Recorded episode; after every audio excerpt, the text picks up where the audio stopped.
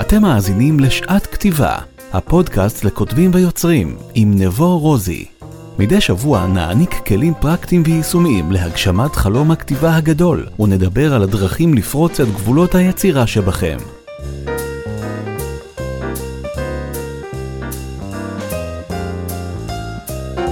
אז שלום וברוכים הבאים לפרק נוסף בפודקאסט שעת כתיבה. הפודקאסט מיועד לכותבים, לסופרים וליוצרים שבעצם נמצאים בכל שלב בתהליך. בין אם הספר שלכם כבר יצא לאור, בין אם אתם נמצאים בימים אלו בתהליכי הכתיבה ובין אם מעולם לא כתבתם מילה אחת. הפודקאסט הזה נוצר ומיועד בשבילכם ועבורכם. ואנחנו נצלול ישירות לנושא הפרק. נושא הפרק היום הוא שוט המעבדה לכותבים, ועבור כותבים רבים, כתיבה יצירתית היא הבסיס ליצירה, ובסיס היצירה ברוב המקרים נובע מתוך השראה. השאלה שלנו היא, איך אנחנו מייצרים את שעות המעבדה לכתיבה שלנו, ומה זה בכלל אומר הביטוי הזה שעות מעבדה? אז שעות מעבדה זה ביטוי שאני גנבתי מעולם הכדורסל, ובעולם הכדורסל אני מדבר על הליגות הידועות והגדולות וה-NBA, שזו נחשבת לליגה הטובה בעולם בכדורסל, ותמיד מדברים על ההצלחה של שחקן או של כל מקצוען, שהיא לא נובעת מתוך... השעות שלי על המגרש כשחקן, אלא השעות המעבדה, השעות שבהן אף אחד לא ראה אותי, ואני רגע אשווה את זה לעולם הכתיבה. שעות המעבדה לכותבים, אלה השעות האלה, לעתים בשעות הקטנות של הלילה, כשאתם כותבים אך ורק עבור עצמכם, כי רובנו ככותבים ורוב המאזינים לפודקאסט הזה כנראה כותבים מאז ומתמיד. וגם אני יכול להגיד שאני כותב מגיל 13, ו... עד גיל 18 הייתי כותב רק לעצמי, איש לא ידע שאני כותב, ואלה היו שעות המעבדה שלי, אלה היו שעות שמדי ערב כשכל הבית הולך לישון, הייתי פותח קבצי וורד שאיש לא ראה אותם מעולם, והאמת שאני לא יודע איפה הם נמצאים עד היום, כנראה שהם עבדו איפשהו בדרך, והייתי כותב לעצמי. ולאט לאט גיליתי את עצמי דרך הכתיבה, ואני יכול להגיד לכם שעד היום, אני מקדיש עבור עצמי שעות מעבדה לכתיבה, אלה השעות עבור הכתיבה שלי, שיכול להיות שאיש לא יראה את הטקסטים האלה לעולם, יכול להיות שהטקסטים האלה כן יהפכו חלקם לימים לספר. אז בואו אני אשאל אתכם שאלה, וזאת שאלה מאוד מאוד פשוטה, ואם אתם יכולים אפילו, תיקחו דף ועט, זה ממש משימה קטנטנה. אני מבקש מכם לכתוב על דף נייר, כמה שעות מעבדה הקדשתם, כמה שעות כתיבה הקדשתם עבורכם, עבור עצמכם, עבור החלום שלכם בשבוע האחרון? כמה שעות מעבדה הקדשתם בחודש האחרון? אם אתם מסתכלים על המספר שאתם כותבים ואתם מרוצים ממנו, זה רק מראה לכם שאתם בדרך הנכונה. אם אתם מסתכלים על אותו מספר ואתם אומרים, זה לא מספיק טוב, אז אתם יודעים מהר מאוד מה צריך להשתנות. כי אם אתם לא תקדישו את השעות מעבדה האלה, וזה הרבה מעבר לללמוד טכניקות, ואני הרי מדבר בפודקאסט הרבה על דיאלוגים וכתיבה מתארת ומחסומי כתיבה ושימוש בקו עלילה, ואפילו רשתות חברתיות ואיך כותבים ברשתות החברתיות. זה הרבה מעבר לזה. זו ההחלטה הזאת, זה החוזה הקטן הזה שאנחנו חותמים אך ורק בינינו לבין עצמנו. אז תסתכלו על הדף ש- שלכם, הדף הזה שכתבתם כמה שעות מעבדה הקדשתם בשבוע, בחודש האחרון, ותשאלו את עצמכם כמה שעות מעבדה אני רוצה, מעוניין וחולם להקדיש עבור הכתיבה שלנו, ואני לא מדבר על עולם אוטופי שבו בהגשמת החלום שלי אני מתפרנס אך ורק מכתיבה וכותב תשע שעות ביום. בואו נתחיל ממקום יותר פרקטי, מקום יותר ריאלי. האם זו שעה ביום שאתם רוצים להקדיש? האם זה שלוש שעות בשבוע? מה אתם מרגישים שאתם צריכים, וזה ביניכם לבין עצמכם. אתם לא צריכים ללכת למדריכי כתיבה ולסדנאות כתיבה ולכותבים ידועים ולאנשים שהוציאו ספרים, כדי שהם יגידו לכם כמה אתם צריכים לכתוב. רק אתם יודעים מה הצעד הראשון בשבילכם, ובדרך כלל, עד כמה שהמשפט הזה קלישאתי, בדרך כלל המשפ... הצעד הראשון הוא הקשה ביותר, ואחר כך דברים הופכים ונהיים קצת קצת קצת יותר פשוטים וקצת יותר קלים. אז כמה שעות מעבדה אתם רוצים, מוכנים ומרגישים שאתם יכולים בעצם להשקיע בחלום הכתיבה שלכם ובשעות המעבדה שלכם לכתיבה. וכמו שאמרתי בתחילת הפרק, עבור כותבים רבים, הכתיבה היצירתית היא הבסיס בעצם לכל היצירה שלנו, ובסיס היצירה ברוב המקרים נובע מתוך ההשראה. אז מה קורה? כאשר ההשראה לא מגיעה לביקור, או לא מגיעה אלינו באופן טבעי כפי שאנחנו רגילים ביום יום. ומה אני יכול לעשות, מה אני יכולה לעשות, כאשר אני עומד מול הדף הריק, ואני לא מצליח לכתוב את המילה הראשונה. אז הדבר הראשון שאני מציע, ולדעתי הוא יותר חשוב מהכל, זה משנה מקום, משנה מזל. ויש משפט רוחני עתיק שאפילו ציטטתי אותו בספר השני שלי, כי הרי הספר השני שלי מדבר על אה, הגיבור שחוזר להודו. אז יש משפט שציטטתי, והמשפט אומר שאין ביכולתך לחזור לאותו מקום פעמיים. ואילו כשאנחנו עוסקים במילים שלנו ובייחוד בכתיבה שלנו, אנחנו רוצים לשאוף לא להישאר באותו מקום למשך יותר מדי זמן. אנחנו צריכים ללמוד להכריח את עצמנו אפילו לצאת מאזור הנוחות. לכן, בכל פעם שתרגישו מעט תקועים בכתיבה שלכם, או תיתקלו באיזה מחסום, מחסומון כתיבה קטן, תרגישו בנוח לארוז תיק קטן, להכניס לתוכו את המחברת והעט או את המחשב הנייד, או אם אתם כותבים בפלאפון, כי יש לא מעט אנשים שכותבים בטלפון הנייד, ולשנות את מיקום הכתיבה הפיזי שלכם. האם ניסיתם פעם לכתוב בחוף הים? האם ניסיתם לכתוב בבית קפה? תרגישו בנוח לצאת למסע מחוץ לארבעה קירות הבית או קירות המשרד, בהם אתם רגילים לכתוב, ואני מבטיח לכם שאתם רק תופתעו לטובה מההשראה שמסתתרת מאחורי היציאה מאזור הנוחות, ובואו אני אגיד לכם משהו על אזור הנוחות והכתיבה. אני מאמין שאפשר ליצור טקסטים אפקטיביים. אפקטיביים באזור הנוחות. אני כותב אך ורק או בדירה שלי, או במרפסת שלי, או במשרד. אני, לי באופן אישי פחות נוח לכתוב על חוף הים, או בבית קפה או 100 אנשים עם המון רעש של המכונת קפה ועשרה מלצרים שרצים סביבי. אבל זה תהליך שהוא מאוד מאוד אינדיבידואלי. כשאני יוצא מאזור הנוחות שלי, אני משנה את המיקום הפיזי שלי. יצא לי להשכיר משרדים אפילו לתקופה של שבוע, שבועיים, רק כדי לכתוב, רק כדי לשנות את האזור נוחות שלי. אז זה תהליך שאתם רוצים לעבור עם עצמכם.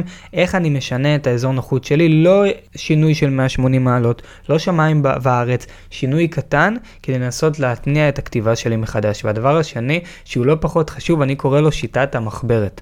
כי במידה ואתם רגילים לכתוב את הטקסטים שלכם בקובץ וורד במחשב, תנסו לרגע לשנות את ההרגל. ברוב המקרים, מחברת ועט יכולים לעשות את העבודה. השינוי הקטנטן הזה עשוי לגרום לכם להתאמץ, ואפילו במעט, ולהיות בדיוק השינוי העדין שאתם זקוקים לו בתהליך הכתיבה שלכם. כי בואו נהפוך רגע את היוצרות. במידה ואתם רגילים לכתוב עם מחברת ועט, תוכלו לעשות בדיוק את ההפך. תרגישו בנוח להניח את המחברת בצד. ולהתחיל לכתוב במחשב או אפילו בטלפון הנייד במידה ואתם מרגישים בנוח. כי נכון, לעתים מדובר בשינוי מאוד מאוד זהיר, אך מהניסיון האישי שלי, דרך סדנאות הכתיבה שהעברתי וכותבים שליוויתי לאורך השנים, גיליתי ששיטת המחברת כמעט תמיד עובדת וגורמת לגלגלים לנוע בצורה מעט מעט שונה. לעתים, שוב, השינוי הזהיר ביותר עשוי לעזור לנו להתניע את תהליכי הכתיבה שנמצאים בתוכנו ומחכים להתפרץ, ובמקרים מסוימים כמו שאמרתי, השינוי הפיזי שאנחנו, שינוי המיקום הפיזי שבו אנחנו נמצאים, אה, או אפילו הדרך שבה אנחנו הופכים את המילים שבראשנו לטקסט כתוב במחברת או במחשב, יכולים להיות השינוי הקטן הזה. שיתניע את המילים שנמצאות בתוכנו, ויעזור למילים ולטקסטים שלנו לצאת לאור. והנה, ההחלטה עכשיו התקבלה. אנחנו מתחילים להתקדם בצעדים איטיים, איטיים, איטיים, אל עבר הגשמת החלום שלנו. בואו נעצום עיניים לרגע, וננסה לדמיין, ממש לכמה רגעים, איך נראה האדם המושלם עבור הכתיבה שלי. האם מדובר בגבר או באישה? היכן הם מתגוררים? האם הם רווקים? האם הם נשואים? מה הם תחומי העניין שלהם? והמטרה בתהליך בניית הדמות הזאת של הקורא האולטימטיבי שלי, היא למקד אותנו ולעזור לנו להבין כבר בשלב הזה, כבר בשלב ההתחלתי, למי אנחנו פונים בכלל. כי לכל קבוצת אנשים אנחנו נפנה בצורה אחרת, באופן אחר, עם מסרים ותכנים שונים. לכן, עוד לפני שאנחנו צוללים להתעסק בתוכן ובמסרים שלנו, חשוב מאוד שנבין מי עומד מן העבר השני. כי הצלחת הטקסטים שלנו לא יכולה להתקיים ללא חשיפה. ונכון, הפחד מחשיפה קיים, הפחד מחשיפה נוכח בראש של כולנו וזה בסדר גמור. המחיר הטבעי של הצמיחה שלנו, דיברנו על כך קודם, הוא יציאה מאזור הנוחות וקפיצה מעבר לפחד להיחשף, ואמרתי את זה כבר בפרקים קודמים ואני אגיד את זה גם בפרקים עתידיים. אנחנו חיים בעידן הזהב של האינטרנט, והחשיפה מעולם לא הייתה פשוטה יותר להשגה. כי רק תנסו לרגע לדמיין כמה קשה הייתם צריכים לעבוד לפני 20 שנים.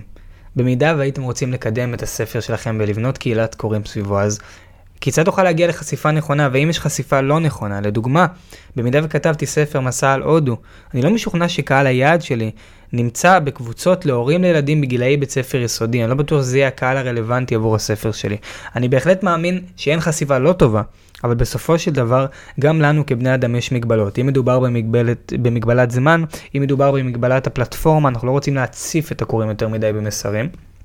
ובהתאם לכך, תמיד נשאף לחשוף את המסר שלנו לקהל הרלוונטי ביותר, ולאחר שאנחנו מבינים בצורה קצת יותר ברורה מי קהל היעד שלנו, אנחנו רוצים לשאול את עצמנו מה המסר שברצוננו להעביר, ולאחר שהבנו את זה, זה השלב השני בתהליך. מה המסר שהייתי רוצה להעביר הלאה? אז בואו נצא למסע בזמן ונקפוץ שנה קדימה. סיימתם את תהליך הכתיבה של הספר שעליו חלמתם, וממש בעוד כמה רגעים אתם עומדים לקראת היציאה לאור. מהצד השני, אותו קהל יעד שעוקב אחריכם ברשתות החברתיות, ממתין בציפייה ובשקיקה לקבל את הספר. בנקודה זו, מה הייתם רוצים שקהל הקוראים יחשוב עליכם בתור כותבים ובתור יוצרים? מה הייתם רוצים שאנשים ירגישו בנוגע לטקסטים שלכם? והנה כמה שאלות שחשוב לשאול את עצמנו לפני שנתחיל לדייק את המסרים שלנו. השאלה הראשונה היא מה קהילת הקוראים שלי, או של הכתיבה שלי, חושבת עליי ברגע זה? שאלה שנייה היא מה אני חושב על הקהילה שלי, מה אני חושב על האנשים שקוראים אותי ברשתות החברתיות, איך הקהילה שלי תקבל את רעיון היצירה שלי, האם אני מרגיש בנוח לחשוף את הרעיון שלי בפניהם, האם אני מרגיש בנוח בכלל לחשוף את עצמי ואת הרעיון שלי בפני אנשים חדשים, אלה שאלות שחשוב שנשאל את עצמנו לפני שניגש לדייק את המסרים בטקסטים שלנו. והדבר השלישי שאנחנו רוצים לשאול את עצמנו, השאלה השלישית, עברתי לנושא הבא, מה הספר שלי? כי אם נשאל את רוב הכותבים בישראל, מה היצירה שלך? התשובה הרווחת תהיה ספר. אבל האם עצרתם פעם ושאלתם את עצמכם, מהי היצירה האמיתית שלי? כי נכון, בסופו של דבר היצירה שלנו תהפוך למוצר פיזי או דיגיטלי, ספר שיעמוד למכירה על המדף עבור הקהל הרחב. אבל מה אנחנו באמת מציעים? כי כשהספר הראשון שלי, 100 דרכים לאבד את עצמך בהודו, יצא לאור, אנשים בסביבה הקרובה שלי שאלו אותי לא מעט את השאלה, למה בכלל אתה מוציא ספר? ו... הייתי יכול להסביר בפשטות שהכתיבה בערה בי מאז ומתמיד, או שמדובר באחד החלומות הגדולים של חיי, אבל התשובה הכנה שלי לשאלה הייתה, אני לא מוציא ספר, אני בסך הכל מציע לאנשים נקודת מבט חדשה על העולם. וספר הביקורים שלי עד היום, קיבלתי עליו מאות ואלפי תגובות חמות מאנשים שלא פגשתי בחיי, שהחליטו לעשות שינוי בחיים שלהם לאחר קריאת הספר. אחד החליט להמריא למסע עליו חלם במשך יותר מ-20 שנים. אחת החליטה להצטרף ללימודי רפואה בקנדה. בסופו של דבר, עלינו לזכור שאנחנו מציעים לקוראים חוויה, ובמקרה שלנו, החוויה שאנחנו נציע תגיע ארוזה בצורת ספר. לכן, הזמרת ששרה במועדונים לא בהכרח מוציאה אלבום ג'אז, אלא מציעה לאנשים שלוות נפש. הציירת שמזמינה אנשים לתערוכה החדשה שלה, מציעה בריחה של שעה מחיי היום-יום שלנו. ולאחר שעסקנו בשלוש השאלות הראשונות, מי הקהל, מה המסר ומה היצירה שלי, השאלה הרביעית והחשובה ביותר היא, מתי הזמן הנכון ביותר עבורנו להתחיל לבנות את הקהילה שלנו, להתחיל להפיץ את המסרים שלנו, והתשובה הקצרה היא שהזמן הנכון ביותר כבר היה אתמול, אבל אתמול כבר עבר. אז בהרחבה לא קיימת הגדרת זמן נכונה להגשמת חלום הכתיבה שלי, אבל אנחנו רוצים לזכור שיש אנשים שמחכים לשמוע את מה שיש לנו להגיד, ובמידה וברגע זה עדיין קשה לכם לעשות את הצעד הזה, להתקדם לעבר הגשמת החלום, זה בסדר. תרגישו בנוח להתקדם בצעדים איטיים כפי שאמרתי קודם לכן, והכל מתחיל עם השאלה הראשונה ששאלתי בתחילת הפרק, שעות המעבדה שלנו. כמה שעות מעבדה אנחנו מקדישים היום להגשמת חלום הכתיבה הגדול שלנו, והאם אנחנו מרוצים מכך? אם אנחנו מרוצים מכך, מעולה, זה רק מראה שאנחנו יחסית בדרך הנכונה, אנחנו רוצים להמשיך באותה דרך. במידה ואנחנו לא מרוצים מכמות השעות השבועיות, החודשיות שאנחנו מקדישים עבור הכתיבה שלנו ועבור החלום הגדול הזה, אנחנו צריכים לעשות שינוי, והשינוי הזה, כמו שאמרתי קודם, הוא לא יתחולל בעזרת עוד סדנת כתיבה ועוד טכניקה שאני אלמד ועוד uh, פידבק שאני אקבל על הטקסטים שלי. זו החלטה שמתחילה בתוכנו. ברגע שאנחנו נקבל את ההחלטה הזאת, הכל יהיה הרבה הרבה יותר נוח ופשוט ונעים עבורנו בתהליך הכתיבה ובאופן כללי בתהליך ההגשמה שלנו. אז עד כאן הפרק ה-11 של הפודקאסט שעת כתיבה. אני רוצה להודות לכל מי שמצטרף אליי, לכל פרק ופרק. במידה ואתם מאזינים לפרקים ביוטיוב, בספוטיפיי, באפל מיוזיק, אני אשמח שתעשו איזשהו review ושתמליצו לעוד חבר על הפודקאסט. מאוד מאוד חשוב לי שכמה שיותר כותבים, יוצרים וסופרים ייחשפו לפודקאסט הזה מהסיבה הפשוטה, זו אחת המשימות שלקחתי על עצמי בשנים הקרובות, להגיע לכמה שיותר כותבים ולכמה שיותר יוצרים ולעזור להם לשחרר, לפעמים זה איזשהו משהו קטן שצריך לשחרר, לפעמים זה עוד איזה טכניקה ועוד איזושהי גישה שלא חשבנו עליה. אז זאת הסיבה שאנחנו כאן, אני שוב רוצה להודות לכל אחד ולכל אחת מכם שהצטרפתם אליי, ואנחנו ניפגש בפרק הבא של שעת כתיבה. להתראות. האזנתם לשעת כתיבה, הפודקאסט לכותבים ויוצרים עם נבו רוזי. לכל שאלה או בקשה מוזמנים לחפש נבו רוזי בפייסבוק או באינסטגרם.